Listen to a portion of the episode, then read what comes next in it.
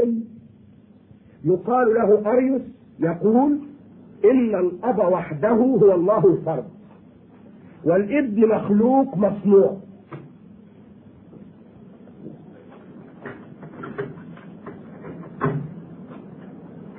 والابن مخلوق مصنوع وقد كان الأب إذ لم يكن الابن. فقال البطريرك أي بطريرك الإسكندرية لتلميذيه إن المسيح لعن أريوس. خدوا بالكم. كيف لعن المسيح أريوس؟ كما يقول ابن البطريق. بيقول لتلاميذه إن المسيح لعن أريوس فاحذرا أن تقبلا قوله فإني رأيت المسيح في النوم مشقوق الثوب. الله بيلبس جلابية. شافوا شيء هدومه. الله شق ملابسه. ليه؟ لأنه زعلان من الكلام اللي قاله أريوس فإني رأيت المسيح في النوم مشقوق الثوب. فقلت له يا سيدي من شق ثوبك؟ فقال لي أريوس فاحذروا أن تقبلوه وأن يدخل معكم الكنيسة كنيسة الله. ما زال الحديث مستمر لابن البطريق. فبعث قسطنطين الملك إلى جميع البلدان. فجمع البطاركة والأساقفة فاجتمع في مدينة نيقية بعد سنة وشهرين ألفان وثمانية وأربعون أسقفا. وكانوا مختلف الآراء ومختلف الأديان. فمنهم من يقول المسيح ومريم إلهان من دون الله وهم المريمانية ومنهم من يقول إن المسيح من الأب بمنزلة شعلة نار تخلقت من شعلة نار. فلم تنقص الأولى لإيقاد الثانية منها. يعني شعلة نار رحنا ولعنا منها. فبدأت شعلة جديدة لا الأولى تأثرت والثانية زادت. وهي مقالة سبارينون وأرجو يعني إذا أخطأت في نطق الأسماء فاعذرونا وأتباعه. ومنهم من كان يقول لم تحمل مريم لتسعة أشهر وإنما مر نور في بطن مريم كما يمر الماء في الميزاب. يعني الماسورة. لأن كلمة الله دخلت من أذنها وخرجت من حيث يخرج الولد من ساعتها وهي مقالة إليا وأشياعه. ومنهم من يقول إن المسيح إنسان خلق من اللاهوت كواحد منا في جوهره وأن ابتداء الابن من مريم وأنه اصطفي ليكون مخلصا للجوهر الإنسي. صاحبته النعمة الإلهية فحلت فيه المحبة والمشيئة. فلذلك سمي ابن الله. ويقولون إن الله جوهر واحد وأقنم واحد يسمونه بثلاثة أسماء. ولا يؤمنون بالكلمة ولا روح القدس وهي مقالة دولة الشمشاطي بطريرك أنطاكيا وأشباعه وأشباهه. وهم البولينيون. ومنهم من كان يقول بثلاثة آلهة صالح وطالح وعدل. صالح صالح يعني فاسد. وعدل. بينهما وهي مقالة مرقيون وأشياعه ومنهم من كان يقول ربنا هو المسيح وتلك هي مقالة بولة الرسول ومقالة الثلاثمائة والثمانية عشر أسقفا.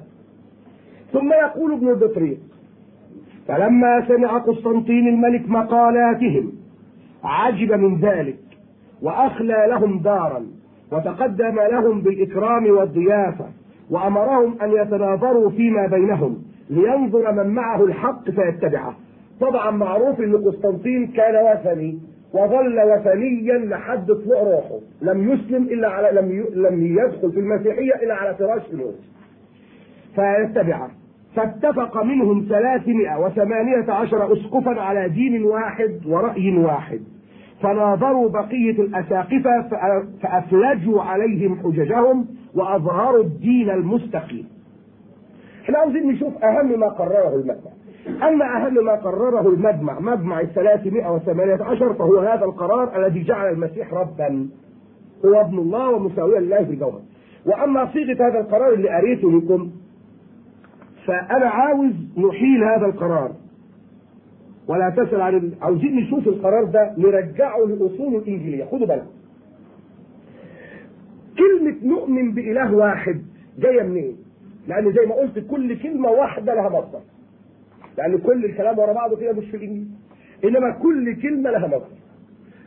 جمعوه ولزقوه جنب بعضه فطلع قرار الإيمان. نؤمن بإله واحد دي موجودة في يوحنا الإصحاح 17 الأعادة الثلاثة. دي الوحيدة. نؤمن بإله واحد. أب. جاية من الرسالة الأولى تسالونيكي تسالونيكي الإصحاح الثاني العدد أربعة اللي هي كلمة أب. كلمة ضابط الكل جاءت من متى؟ الإصحاح العاشر العدد 29 و 30 خالق السماوات والأرض ما يرى وما لا يرى جاءت من متى؟ الإصحاح 11 العدد 35 وسفر الخروج الإصحاح 20 العدد 11 نؤمن برب واحد. جاءت من العبرانيين الإصحاح الأول العدد 8 والرؤيا الإصحاح 19 العدد 16 يسوع المسيح جاءت من العبرانيين الإصحاح 13 العدد 8 ابن الله الوحيد جاءت من يوحنا الإصحاح الثالث العدد 16 المولود من الأب قبل كل الدهور جاءت من ميخا الإصحاح الخامس العدد اثنين. نور من نور جاءت من العبرانيين. الإصحاح الأول العدد ثلاثة. إله حق جاءت من يوحنا. الإصحاح الخامس العدد اثنين. من إله حق جاءت من يوحنا. الإصحاح 17 العدد خمسة. مولود غير مخلوق جاءت من يوحنا. الإصحاح الخامس العدد 26 مساو للأب في الجوهر. جاءت من يوحنا الإصحاح العاشر العدد 30 الذي به كل شيء جاءت من يوحنا الإصحاح الأول العدد ثلاثة. هذا هو الذي من أجلنا نحن البشر ومن أجل خلاص نفوسنا. ده من كلام المجمع بالفهلوة. ملوش علاقة بالأناجيل ده نص من عندهم نزل من السماء وتجسد. موجود في الإصحاح يوحنا في يوحنا الإصحاح الأول العدد 14 وفي العبرانيين الإصحاح العاشر العدد خمسة. من الروح القدس ومريم العذراء. من لوقا إنجيل لوقا الإصحاح العاشر العدد 35 وتأنس جاء من يوحنا الإصحاح الثامن العدد 40 وصلب عنا على عهد بيلاطس البنطي جاء من يوحنا الإصحاح بتاع 19 العدد 19 وتألم جاء من الرسالة الأولى لبطرس الإصحاح الأول العدد 11 وقبر من أشعية الإصحاح الثالث والخمسين العدد تسعة. ومن متى الإصحاح السابع والعشرين العدد ستين. وقام من بين الأموات في اليوم الثالث كما في الكتب. في الرؤيا إصحاح 14 العدد تسعة. والرسالة الأولى لكورنثوس الإصحاح ال 15 العدد تسعة.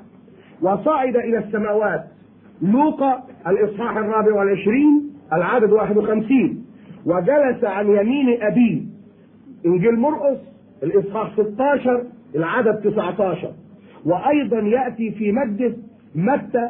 25 31 ليدين. ليدين الأحياء والأموات.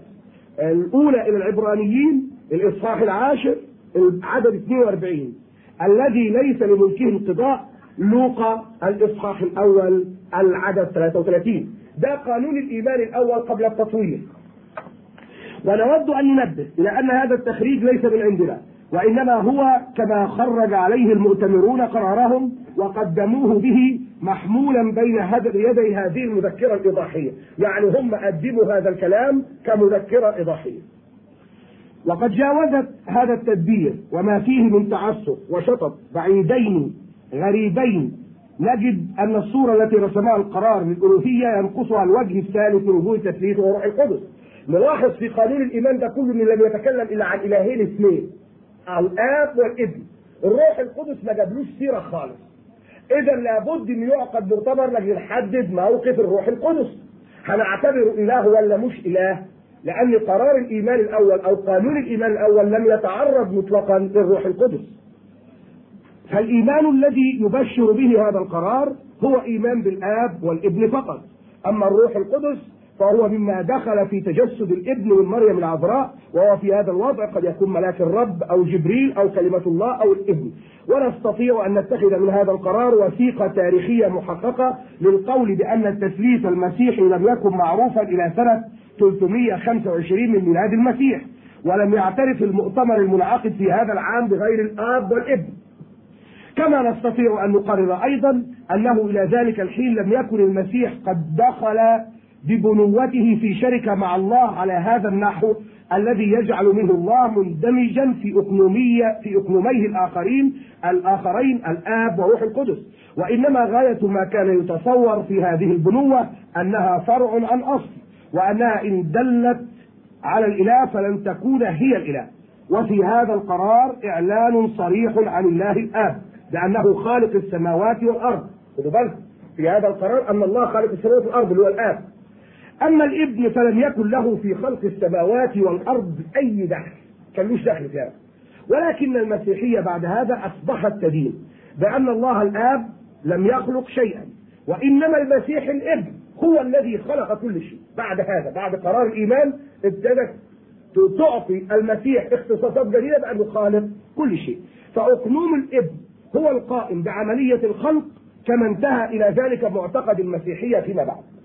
إن المسيحية إلى ما بعد منتصف القرن الرابع لم تكن قد استكملت حقيقتها بعد وما زال موقف المسيح متأرجحا مضطربا بين الإله والإنسان. وإن الأمر لا يحتاج إلى خطوة أو خطوات أخرى لسد هذه الفجوة العميقة التي تتذبذب فيها شخصية المسيح متأرجحة مضطربة بين الإله والإنسان. وليس يقوم لهذا الأمر إلا مجمع مقدس. ندعي مجمع مقدس ونتصرف نحدد موقف المسيح. هل هو إله أو إنسان؟ هل هو إله متجسد أو إنسان متأله؟ ما, ما هي حقيقته بالضبط؟ وليس يقوم لهذا الأمر إلا مجمع مقدس. يسوي ألوان هذه الصورة المهزوزة ويحدد ملامحها وهذا ما قد كان فعلا ففي سنة 381 ميلادية. أمر الملك تاودوسيوس الكبير بعقد مجمع مقدس في مدينة القسطنطينية للنظر في مقولة ماكونيوس بطريرك القسطنطينية ماكونيوس روخر هو الآخر دخل بمشروع جديد الذي كان ينادي بها في محيط به في محيط كنيسته ويذيعها في أتباعه وهو أن الروح القدس مخلوق كسائر المخلوقات. سيدنا ماكونيوس ده ارتكب مشكلة جديدة، خلق رواية جديدة، دخل يقول إن الروح القدس مخلوق كسائر المخلوقات. اذا لابد من دعوة مؤتمر للنظر في أمره وفعلا دعي المؤتمر. وواضح من هذا أن أمر الروح القدس لم يكن قد استقر بعد لأن برضه لسه الروح القدس ما دخلش الموضوع لسه ما دخلش مجمع لسه جديد. وواضح من هذا أن أمر الروح القدس لم يكن قد استقر بعد وأصبح وجها من وجوه الله واقنوما من اقانيمه متساويا مع الآب والابن في الرتبة. وقد اجتمع في هذا المؤتمر 150 أسقف. يمثلون جميع الهيئات المسيحية. وكان من بينهم تيموساوس بطريرك الإسكندرية الذي اسندت إليه رئاسة المجمع. كانت رئاسة المجمع عندنا في مصر. واجتمع المجمع برئاسة الكنيسة المصرية الموجودة في الإسكندرية. وانتهى المؤتمر بإدانة ماكونيوس. إدانته ومن كان على رأيه من الأساقفة ثم خرج المجمع بالمصادقة على قرار مجمع نيقية ثم إضافة نص جديد إليه في شأن روح القدس. إذا المؤتمر, المؤتمر الثاني حدد شخصية طلع بطاقة شخصية للروح القدس لأن ما كانش عنده بطاقة شخصية ولا هوية. طلع له بطاقة كالآتي. وكان نص القرار كما يأتي. نعم. كلمة نعم في أول القرار يعني معناها الموقع على القرار بالإجماع. نعم. نبص أيضا كما نظرنا في الأصل نبص للإضافة الأولى ونراجعها على الكتب. لأجل نشوف كل كلمة متاخدة منين. نعم. نؤمن بالروح القدس. يوحنا الإصحاح 14 العدد 26 الرب اثنين. كورنثوس الاصحاح الثاني العدد 17 و18 المحيي رومية الإصحاح الثامن العدد 11 المنبثق من الآب إنجيل يوحنا الإصحاح 15 العدد 16 نسجد له ونمجده مع الآب والابن إنجيل متى الإصحاح 18 العدد 19 الناطق في الأنبياء والرسالة الأولى لبطرس الإصحاح الأول العدد 11 وبكنيسة. شوف كلمة وبكنيسة الواحدة من إصحاح من إنجيل متى 16 العدد 18 واحدة من رومية الإصحاح 13 العدد 5 مقدسة أسس الإصحاح الخامس العدد 36 جامعة من يوحنا الإصحاح 11 العدد 53 رسولية من أفسس الإصحاح الثالث العدد 30 ونعترف بمعمودية واحدة. أفسس الإصحاح الرابع العدد خمسة. لمغفرة الخطايا. الرسالة الأولى إلى العبرانيين الإصحاح الثالث العدد 38 وننتظر قيامة الأموات. الرسالة الثالثة للعبرانيين الإصحاح الرابع والثلاثين العدد 15 وحياة الدهر الآتي آمين من إنجيل لوقا الإصحاح ال 18 العدد 30 أظن واضح أن مسألة مشوجة جدا. وقد جمع هذا النص كسابقه من أشتات الكلمات الملتقطة من الأناجيل والرسائل والمنتزعة من مواطنها انتزاعا في غير رفق أو تلطف لتلتقي هنا على غير إلف أو تعارف.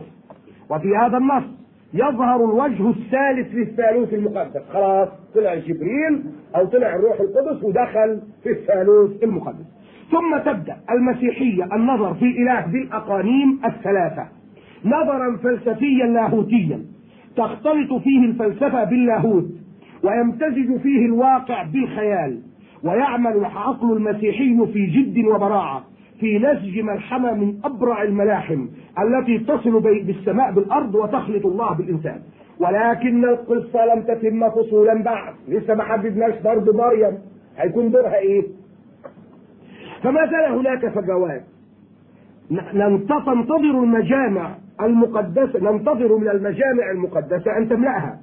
تلك الكلمات التي تلتقطها من شتيت الصفحات في الأناجيل والرسائل. ففي سنة 431 ميلادية أعلن نسطور بطريرك القسطنطينية قوله إن العذراء لم تلد إلها متأنسا بل ولدت إنسانا عاديا ساذجا ثم حل فيه الإله بإرادته لا بالاتحاد فهو لهذا ذو طبيعتين وأقنومين. الكلام اللي طلع بيه دستور كلام جديد. وإذا عاوزين مجمع ينظر. وقد انقسم المسيحيون أعني الأساقفة والقساوسة إزاء هذا الرأي. فكان بعضهم في جانب نسطور وكان بعض آخر في الجانب المخالف له. على حين وقف كثيرون موقف الحياد أو الحيرة والتردد. ومن أجل هذا دعا الملك توديوس الصغير ملك القسطنطينية إلى عقد المجمع المقدس فحضره نحو مئتي أسقف وبعد مناقشات طويلة انتهى الرأي إلى القول بتجسد الكلمة واتحاد الطبيعتين اللاهوتية والناسوتية بدون اختلاط ولا امتزاج ولا استحالة.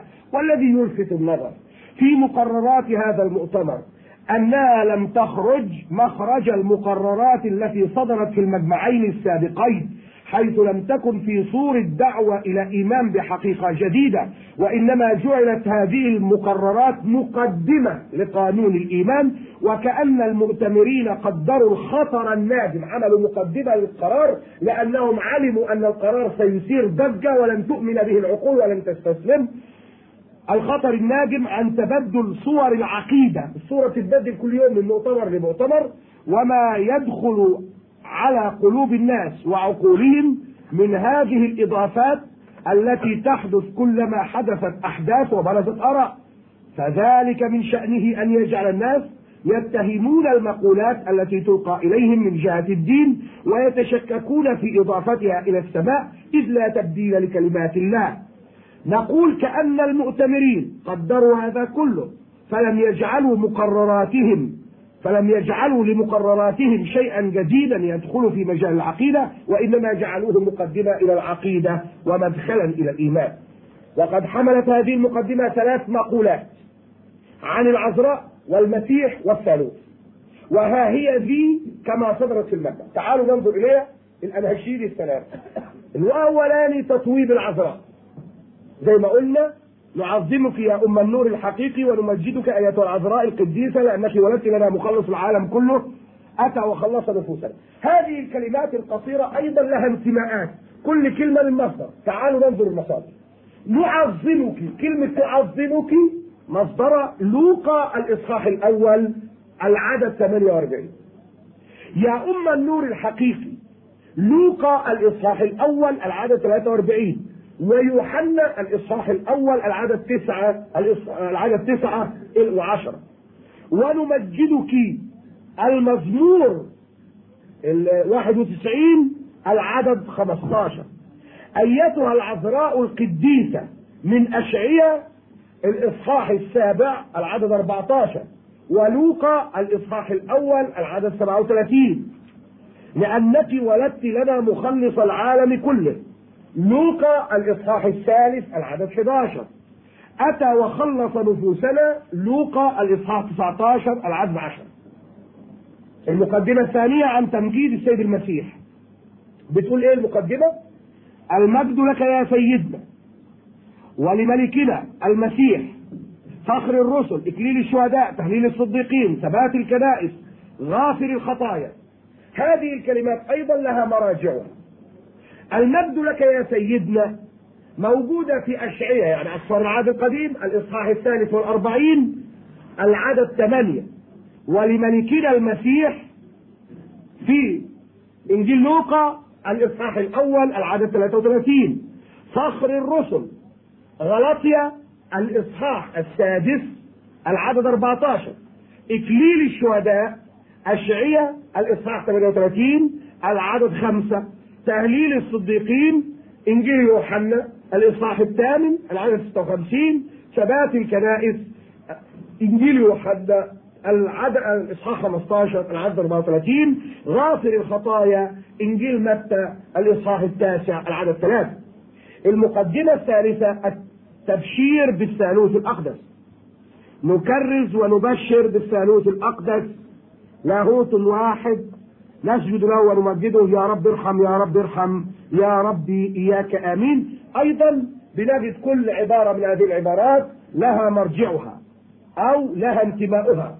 فكلمة نكرس ونبشر مأخوذة من الرسالة الأولى إلى العبرانيين الإصحاح العاشر العدد 43 بالثالوث الأقدس مأخوذة من إنجيل متى الإصحاح الثامن والعشرين العدد 19 لاهوت واحد مأخوذة من إنجيل يوحنا الإصحاح الخامس العدد سبعة نسجد له ونمجده مأخوذة من إنجيل متى الإصحاح الرابع العدد عشرة يا رب ارحم يا رب ارحم مأخوذة من المزمور 33 العدد واحد يا رب إياك آمين مأخوذة من إنجيل لوقا لوقا الإصحاح الرابع والثلاثين العدد واحد وثلاثين ومن هنا نرى أنه فضلا عن أن قانون الإيمان تطور عبر المجامع كما رأيتم هو في الوقت نفسه ملفق من كلمات مفردة مأخوذة بعضها من أسفار العهد القديم وبعضها من الرسائل وبعضها مأخوذ من أسفار العهد القديم يعني أسفار العهد القديم وأسفار العهد الجديد والمزامير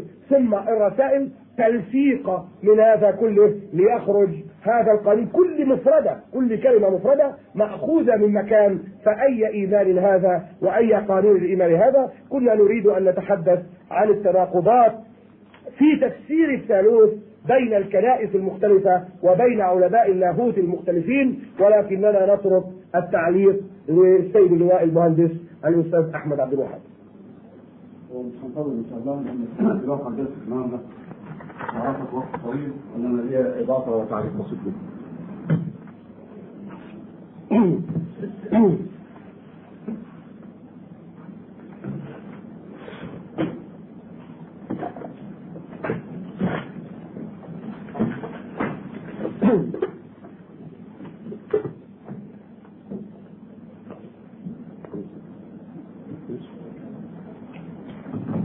التعليق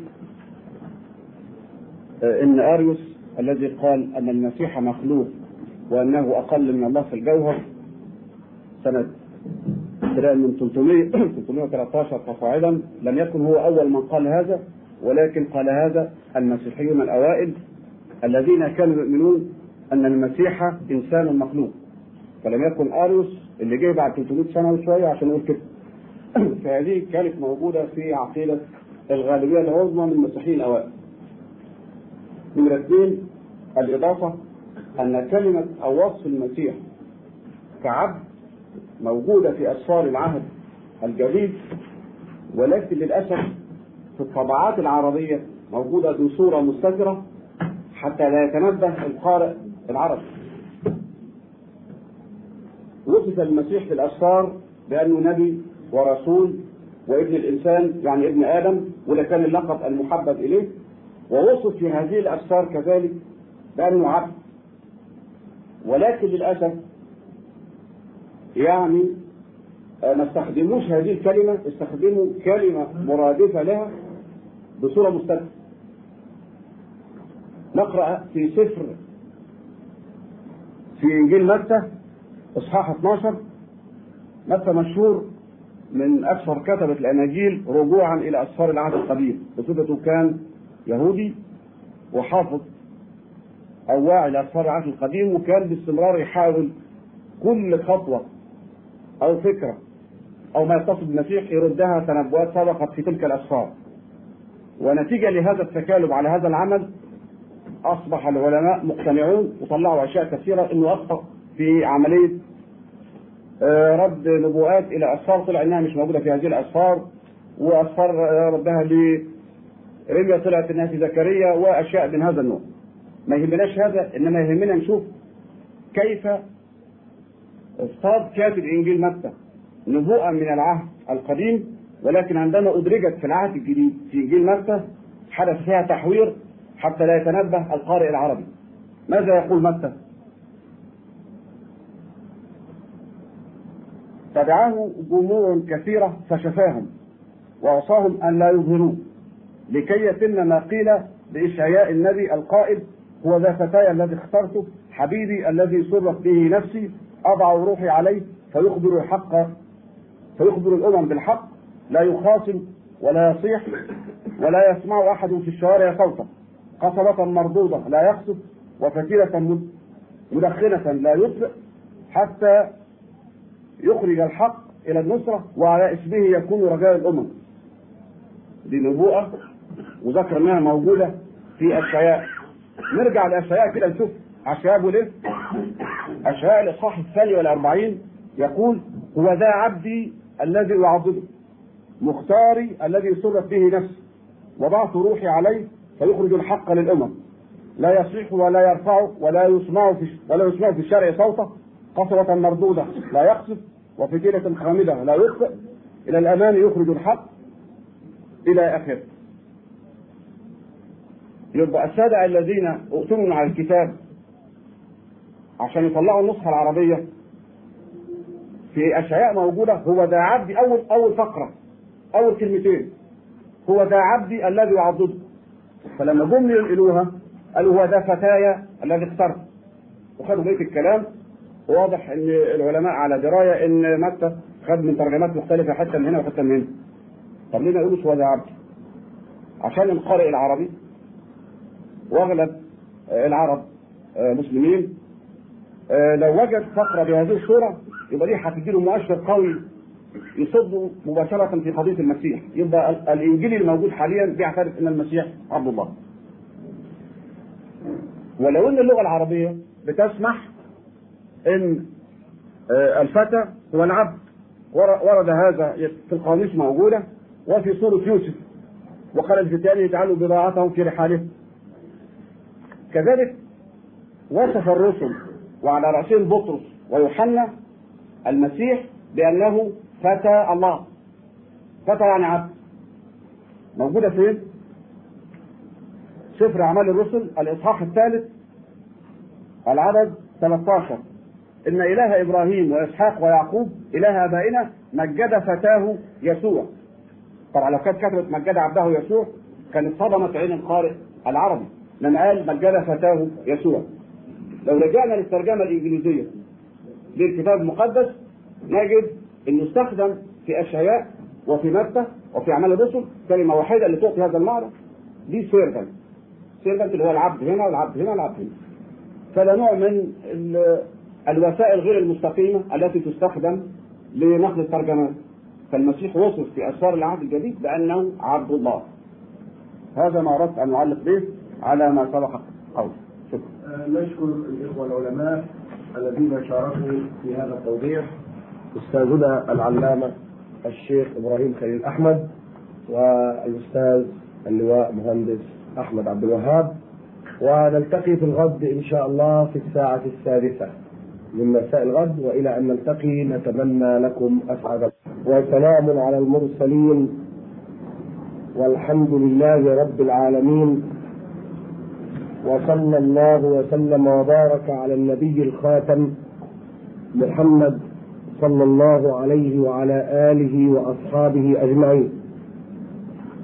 وبعد فإننا نفتتح هذه الدورة الخامسة من هذا اللقاء الإسلامي المسيحي وإن كنت أتحفظ على هذا الجزء الأخير فأنا أعتبره كما ذكرت من قبل لقاء إسلاميا فقط لشرح الإسلام وتوضيح حقائقه والرد على الشبهات والشكوك والريب التي تثار حوله. نفتتح هذا اللقاء الخامس أو هذه الدورة الخامسة بآيات من سورة المائدة يقول الله سبحانه وتعالى وعز وجل فيها أعوذ بالله من الشيطان الرجيم.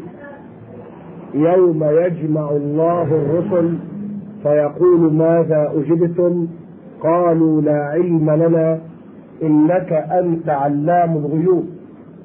إذ قال الله يا عيسى ابن مريم اذكر نعمتي عليك وعلى والدتك إذ أيدتك بروح القدس. تكلم الناس في المهد وكهلا. وإذ علمتك الكتاب والحكمة والتوراة والإنجيل وإذ تخلق من الطين كهيئة الطير بإذني فتنفخ فيها فتكون طيرا بإذني وإذ تبرئ الأكمه والأبرص بإذني وإذ تخرج الموتى بإذني وإذ كففت بني إسرائيل عنك إذ جئتهم بالبينات. فقال الذين كفروا منهم إن هذا إلا سحر مبين وإذ أوحيت إلى الحواريين أن آمنوا بي وبرسولي قالوا آمنا واشهد بأننا مسلمون. إذ قال الحواريون يا عيسى ابن مريم هل يستطيع ربك أن ينزل علينا مائدة من السماء؟ قال اتقوا الله إن كنتم مؤمنين. قالوا نريد أن نأكل منها وتطمئن قلوبنا ونعلم أن قد صدقتنا ونكون عليها من الشاهدين. قال عيسى ابن مريم اللهم ربنا أنزل علينا مائدة من السماء تكون لنا عيدا لأولنا وآخرنا وآية منك وارزقنا وأنت خير الرازقين. قال الله إني منزلها عليكم. فمن يكفر بعد منكم فإني أعذبه عذابا لا أعذبه أحدا من العالمين. وإذ قال الله يا عيسى ابن مريم أأنت قلت للناس اتخذوني وأمي إلهين من دون الله؟ قال سبحانك ما يكون لي أن أقول ما ليس لي بحق. إن كنت قلته فقد علمته. تعلم ما في نفسي ولا أعلم ما في نفسك. إنك أنت علام الغيوب. ما قلت لهم إلا ما أمرتني به أن اعبدوا الله ربي وربكم. وكنت عليهم شهيدا ما دمت فيهم فلما توفيتني كنت أنت الرقيب عليهم وأنت على كل شيء شهيد. إن تعذبهم فإنهم عبادك وإن تغفر لهم فإنك أنت العزيز الحكيم. قال الله هذا يوم ينفع ينفع الصادقين صدقهم لهم جنات تجري من تحتها الأنهار. خالدين فيها أبدا. رضي الله عنهم ورضوا عنه. ذلك الفوز العظيم. لله ملك السماوات والأرض وما فيهن وهو على كل شيء قدير.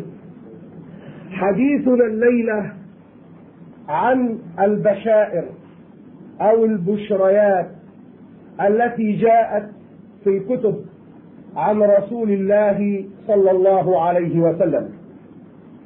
ولقد قلنا وما زلنا نقول إن هذه الكتب قد عبثت فيها أيدي التحريف وأيدي التبديل وأيدي التغيير ولكنه على الرغم من هذا كله ما زالت فيها بقايا وما زالت فيها نصوص لا تحتمل التأويل أبدا وإنما تنص نصا قاطعا على أن المقصود بها إنما هو محمد صلى الله عليه وسلم الذي بعثه الله سبحانه وتعالى من ذرية إسماعيل عليه السلام. وأحب أن أقول لكم قبل أن يبدأ الأخ العالم الفاضل الشيخ إبراهيم خليل أحمد قبل أن يبدأ حديثه معكم أحب أن أقول إن هذه البشريات على كثرتها لا تمثل في نظر المعتقد المسلم أكثر من واحدة من آلاف الأمارات والدلالات على صدق محمد صلى الله عليه وسلم.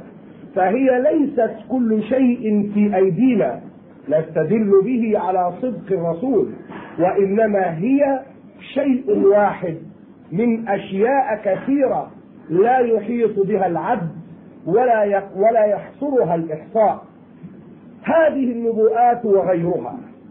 هي كما قلت لكم إصبع صغيرة تشير إلى الحقيقة الكبيرة وهي أن محمدا صلى الله عليه وسلم نبي الله ورسوله الخاتم عليه الصلاة والسلام. ولو أننا رحنا نستعرض الأمارات والدلالات على صدق رسول الله صلى الله عليه وسلم فإنه لا تكفينا الليالي ذوات العدد ويكفي أن تعرفوا أنه ألف في أمارات ودلائل النبوة كتب ذات مجلدات كثيرة تصل إلى الآلاف عدا آلاف المجلدات ألفت في الحجج والبراهين والدلالات على صدق الرسول صلى الله عليه وسلم. وأنتم تعلمون أن وقتنا أضيق من أن نستعرض فيه كل شيء وأن وقتكم أيضا أضيق من أن يستوعب كل شيء. إذا يكفينا أن نشير إشارات عابرة في هذه الليلة وفي الليالي التي تأتي أو في الليلة التي تأتي حسب ما يوفق الله ويعين. سيتحدث إليكم في هذه الليلة الأخ العالم الشيخ إبراهيم خليل أحمد عن البشائر في أسفار العهد القديم وفي المزامير وفي أسفار العهد الحديث. أما أنا فسأحدثكم في الليلة القادمة عن أشياء أخر عن أمارات أخرى تدل على صدق الرسول صلى الله عليه وسلم وتثبت بما لا يقبل جدالا ولا مناقشة أنه ليس هناك على الأرض كلمة تمثل كلمة الله إلا القرآن الكريم. وأنه محمد صلى الله عليه وسلم هو الذي حفظت كلماته فهي أصدق الكلام وهي أطهر الكلام وهي أنقى الكلام. وكلام محمد صلى الله عليه وسلم الذي نقله إلينا في سنته أو الذي نقله إلينا عن طريق الوحي عن ربه سبحانه وتعالى هو الكلام الواحد. في هذا الزمان وفي الأزمنة التي سبقت يمثل كلام الله لخلق الله بلا زيادة وبلا نقصان وبلا إضافة وبلا حد وبلا تحريف ولا بلا تحريف وبلا تحوير وبلا نسخ. وبلا شيء على الإطلاق. كل ذلك سنعرفه في الليلة القادمة إن شاء الله. وأترككم مع الأستاذ إبراهيم حول البشارات بالنبي الخاتم. بسم الله الرحمن الرحيم. الحمد لله رب العالمين. والصلاة والسلام على سيدنا محمد وعلى آله وصحبه وبعد. أيها الإخوة في هذه الأمسية أتحدث إليكم عن البشارات حول الرسول محمد صلى الله عليه وسلم. أو بمعنى آخر أتحدث إليكم في صراحة متناهية عن لماذا أسلمت؟ كيف أسلمت؟ ما هي الأسباب التي دفعتني إلى الإسلام؟ حقيقة القول أنني عندما وصلت إلى الآية الكريمة من القرآن الكريم الذين يتبعون الرسول النبي الأمي الذي يجدونه مكتوبا عندهم في التوراة والإنجيل. قلت لو وصلت إلى أن الرسول محمد صلى الله عليه وسلم جاء ذكره في التوراة والإنجيل سأبلغها وسأشهد للرسول عليه الصلاة والسلام أنه خاتم النبيين حقا ويقينا. ومن هنا حديثي هو حديث إنسان عرف استطاع أن يعرف الرسول محمد صلى الله عليه وسلم من خلال التوراة ومن خلال الإنجيل. فإلى التوراة لنرى الرسول عليه الصلاة والسلام. جاء على لسان موسى في سفر التثنية أصح 18 عدد 18 وعدد 19 يقول موسى لبني إسرائيل أقيموا لهم نبيا من وسط إخوتهم مثلك وأجعل كلامي في فمه فيكلمهم بكل ما أصيبه. ويكون أن الإنسان الذي لا يسمع لكلامي الذي يتكلم به باسمي أنا أطالبه. هذا النص الذي جاء على لسان موسى عليه السلام لنا عليه وقفات بسيطة. حينما يقول أقيم لهم نبيا من وسط إخوتهم. الضمير الغائب المتصل يشكل حقيقة من الحقائق. لو شاء موسى أن أن يجعل هذا النبي المنتظر أن يكون من بني إسرائيل لقال أقيم لهم نبيا من وسط إخوتكم. فيكون الضمير للمخاطب. أما أن يكون الضمير للغائب معنى هذا أن موسى ارتفع بالسلسلة إلى إبراهيم عليه السلام. وحينما نرجع إلى التوراة لنرى من هم أولاد إبراهيم عليه السلام. لقد بورك إبراهيم بالأرض التي يقال عنها أرض الميعاد ولم يرزق بعد الولد. ثم أعطي الولد. ونرى في سفر التكوين يقول إبراهيم لله سبحانه وتعالى ليت إسماعيل يعيش أمامك. يتمنى أن سيدنا إسماعيل يعيش أمامه.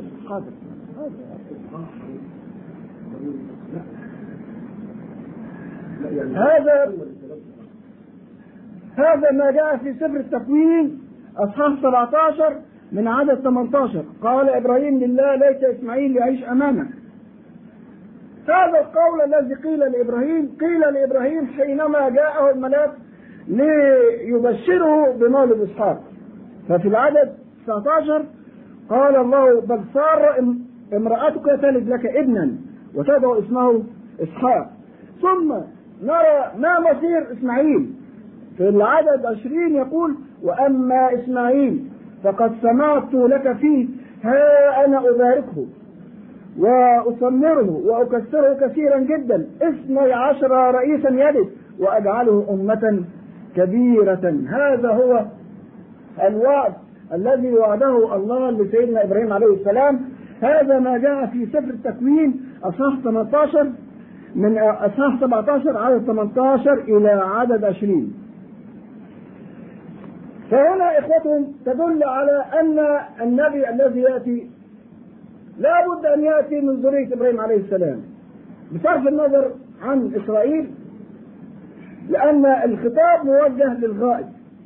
وكما قلت إذا كان الخطاب موجه إلى بني إسرائيل فحسب لقيل من إخوتكم. مثلك ولنا وقفة في كلمة مثلك هنا. مثل من؟ مثل موسى عليه السلام.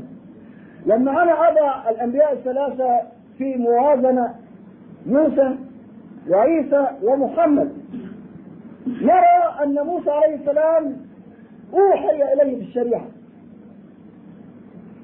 وسيدنا عيسى عليه السلام ما جاء بشريعة جديدة ما جاء بشريعة جديدة. بل كما قال وكما قلت في في تعليقات سابقة قال بوضوح ما جئت لأنقض بل لأكمل. أما الرسول صلى الله عليه وسلم فأنزل الله عليه قرآنا كريما هو الرسالة الخاتمة والرسالة المهيمنة على كل الرسالات السابقة. مثلك وأجعل كلامي في فمه فيكلمهم بكل ما أوصي به وهنا دليل قاطع ضد المستشرقين الذين يفترون على رسول الله قائلين إن القرآن الكريم من هذا الرسول كذبوا في افترائهم. إنما هنا يقول وأجعل كلامي في فمه فإن الرسول ما ينطق عن الهوى بل يتكلم بما يوحى إليه من الله سبحانه وتعالى. أكثر من هذا جاء في سفر التثنية أصحاح 18 عدد 19 ويقول أن الإنسان الذي لا يسمع لكلامي الذي يتكلم به باسمي أنا أطالبه. ويل لمن يكفر بالرسول عليه الصلاة والسلام. ويل لأي أمة تناوئ الرسول عليه الصلاة والسلام. ويل لمن تحدثه نفسه أن يناوئ الرسول عليه الصلاة والسلام.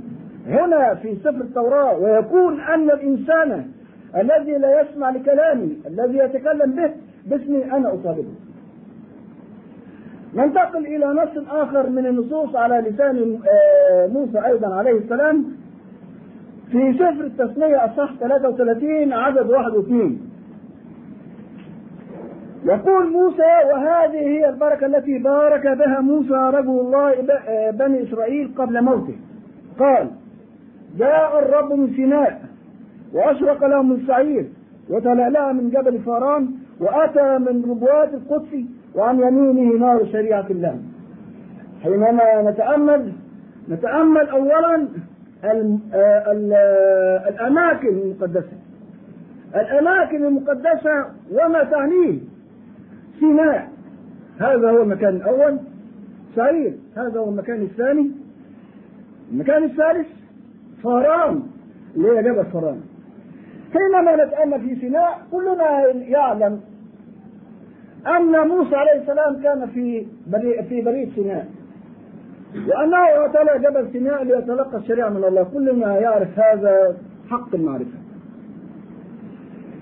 أما سعير قد جاء ذكر سعير اللي هي أرض فلسطين.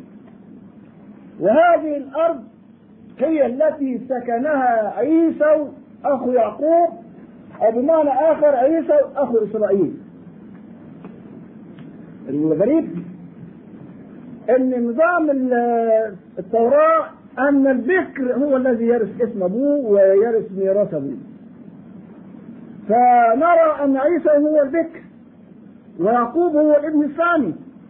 لكن بحقوقه صنعها يعقوب مع أخيه أخذ البكوريه وبحيلة صنعها يعقوب مع أبيه إسحاق أخذ البركة من سيدنا إسحاق. وأصبح إسرائيل هو الوارث لل... لل... للبركات الروحية والبركات الزمنية. أما عيسى وهذا الذي اسدل عليه ستارا كثيفا أين كان يسكن؟ جاء في سفر التكوين أصحاح 32 عدد 16 فرجع عيسى ذلك اليوم في طريقه إلى سعير.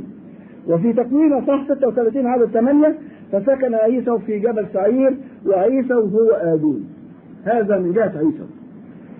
يبقى جاء الرب من سيناء عرفنا سيناء ما هي. جاء واشرق له من سعير سعير هي الأرض التي وقعتها أقدام الانبياء والمسيح من هؤلاء الأنبياء. نرجع إلى أرض فران. ما هي أرض فران؟ من العجب العجاب أيها أيها الإخوة أن الله سبحانه وتعالى وعد إبراهيم بالأرض من النيل إلى الفرات. نرى نقرأ الوعد.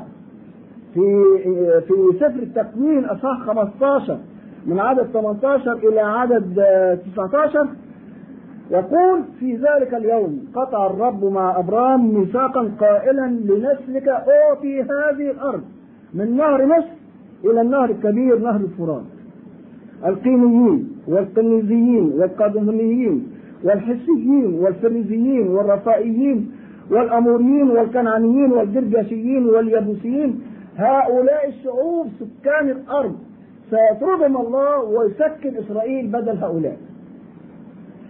هذا الوعد الذي أعطي لسيدنا إبراهيم عليه السلام لم يكن له الولد. ولكن المرأة هي المرأة في كل زمن وفي كل عصر. تشتاق إلى الأرض وإلى استثمار الأرض. فجاءت سارة اللي هي زوجة سيدنا إبراهيم عليه السلام كانت امرأة عاقل. ولم تلد. ماذا تصنع؟ عندها سيدة من السيدات الكريمات هي هاجر. قالت لإبراهيم ادخل على هاجر ولعل الله يعطينا من النسل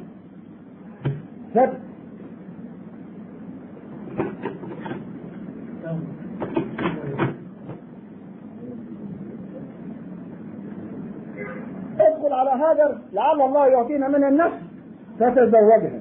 وأنجب منها من؟ إسماعيل. وكان قرة عين لإبراهيم ولسارة ولهاجر أيضا. نقرأ النص في سفر التكوين أصحاح 16 من عدد واحد إلى عدد أربعة. وأما سراي امرأة أبرام فلم تلد له. وكانت لها جارية مصرية اسمها هاجر فقالت سراي لابرام هوذا الرب قد أمسكني عن الولادة. ادخل على جاريتي لعلي أرزق منها بنين. فسمع ابرام لقول ساراي فأخذت ساراي امرأة ابرام هاجر المصرية جاريتها من بعد عشر سنين لإقامة ابرام في أرض كنعان وأعطتها لابرام رجلها زوجة له. زوجة له. فدخل على هاجر فحبلت. وأعطيها الولد والحمد لله البيت أصبح دلوقتي متمكن وإن الميراث الولد موجود هيرث الأرض من النيل إلى الفرات. من هو؟ إسماعيل. نأتي. الله سبحانه وتعالى يزيد إبراهيم بركة فيعطيه إسحاق بعد أن أن صار عمر إسماعيل 13 سنة. ولما صار عمر إسماعيل 13 سنة بدأت الغيرة تتحرك في قلب سارة. وبدأت تؤثر ابنها إسحاق عن عن إسماعيل. وبدأت تطلب من إبراهيم أن يعزل هاجر وابنها عن المشاركة في البيت. ونرجع إلى التوراة في في سفر التكوين أصحاح 21 من عدد تسعة إلى عدد 13 ورأت سارة ابن هاجر المصرية الذي ولدته لإبراهيم يمزح فقالت لإبراهيم اطرد هذه الجارية وابنها لأن ابن هذه الجارية لا يرث مع ابن إسحاق. فقبح الكلام جدا في عيني إبراهيم بسبب ابنه. فقال الله لإبراهيم لا يقبح في عينيك من أجل الغلام ومن أجل جاريتك. في كل ما تقول لك سارة اسمع لقولها لأنه بإسحاق يدعى لك نسل وابن الجارية أيضا سأجعله أمة لأنه نسل. إذا نرى من هذه الفترة التي جاءت في سفر التكوين مدى القدس في في التعبير من سارة إلى إبراهيم. اطرد الجارية اطردها شيء غريب. طبعا الكلام ده يؤذي إبراهيم عليه السلام لكن حفظه في قلبه واضطر اضطرار إن هو يأخذ هاجر ويأخذ إسماعيل ليسكنهما في أرض كما قال القرآن الكريم في أرض غير ذي زرع عند بيتك المحرم. لكن هنا يقول آه أن هاجر خدت الولد وراحت إلى أرض مكة المكرمة وهناك آه سكنت في البرية وسكن في بريد فران وأخذت له امه زوجة من أرض مصر. ومن هنا نرى الجزء الثالث الذي تكلم عنه. موسى عليه السلام إذ قال وتلألأ من جبل فران إشارة إلى إسماعيل عليه السلام الذي تأكدت فيه الوعود الإلهية. في تكوين 21 عدد 13 وابن الجارية أيضا سأجعله أمة لأنه نسلك وفي تكوين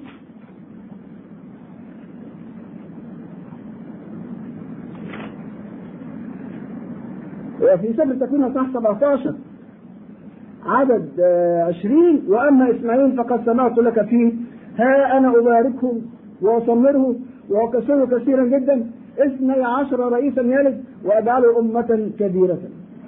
ولكن تمر الأيام ويأتي المسيح مولودا من عذراء ويؤدي المسيح رسالته إلى و- وتتم الرسالة.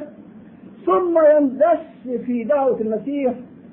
وناس ما كانوا على صلة بالمسيح ومن هؤلاء شاول. شاول هذا زرع الحقد الحقد الأسود بين اليهود وبين وبين أمة محمد صلى الله عليه وسلم. الحقد الأسود بين كل اتباع المسيح وبين أمة الإسلام. إذ جاء في سفر في رسالة بولس إلى غلاطيا يقول آه، في. آه، في الأصحاح الرابع والعدد 30 والعدد ال 31 لكن ماذا يقول الكتاب؟ اطرد الجاريه وابنها لأنه لا يرث ابن الجاريه مع ابن الحرة اذا أيها الإخوة لسنا أولاد جاريه بل أولاد الحرة نعود إلى الكلام بعد الأذان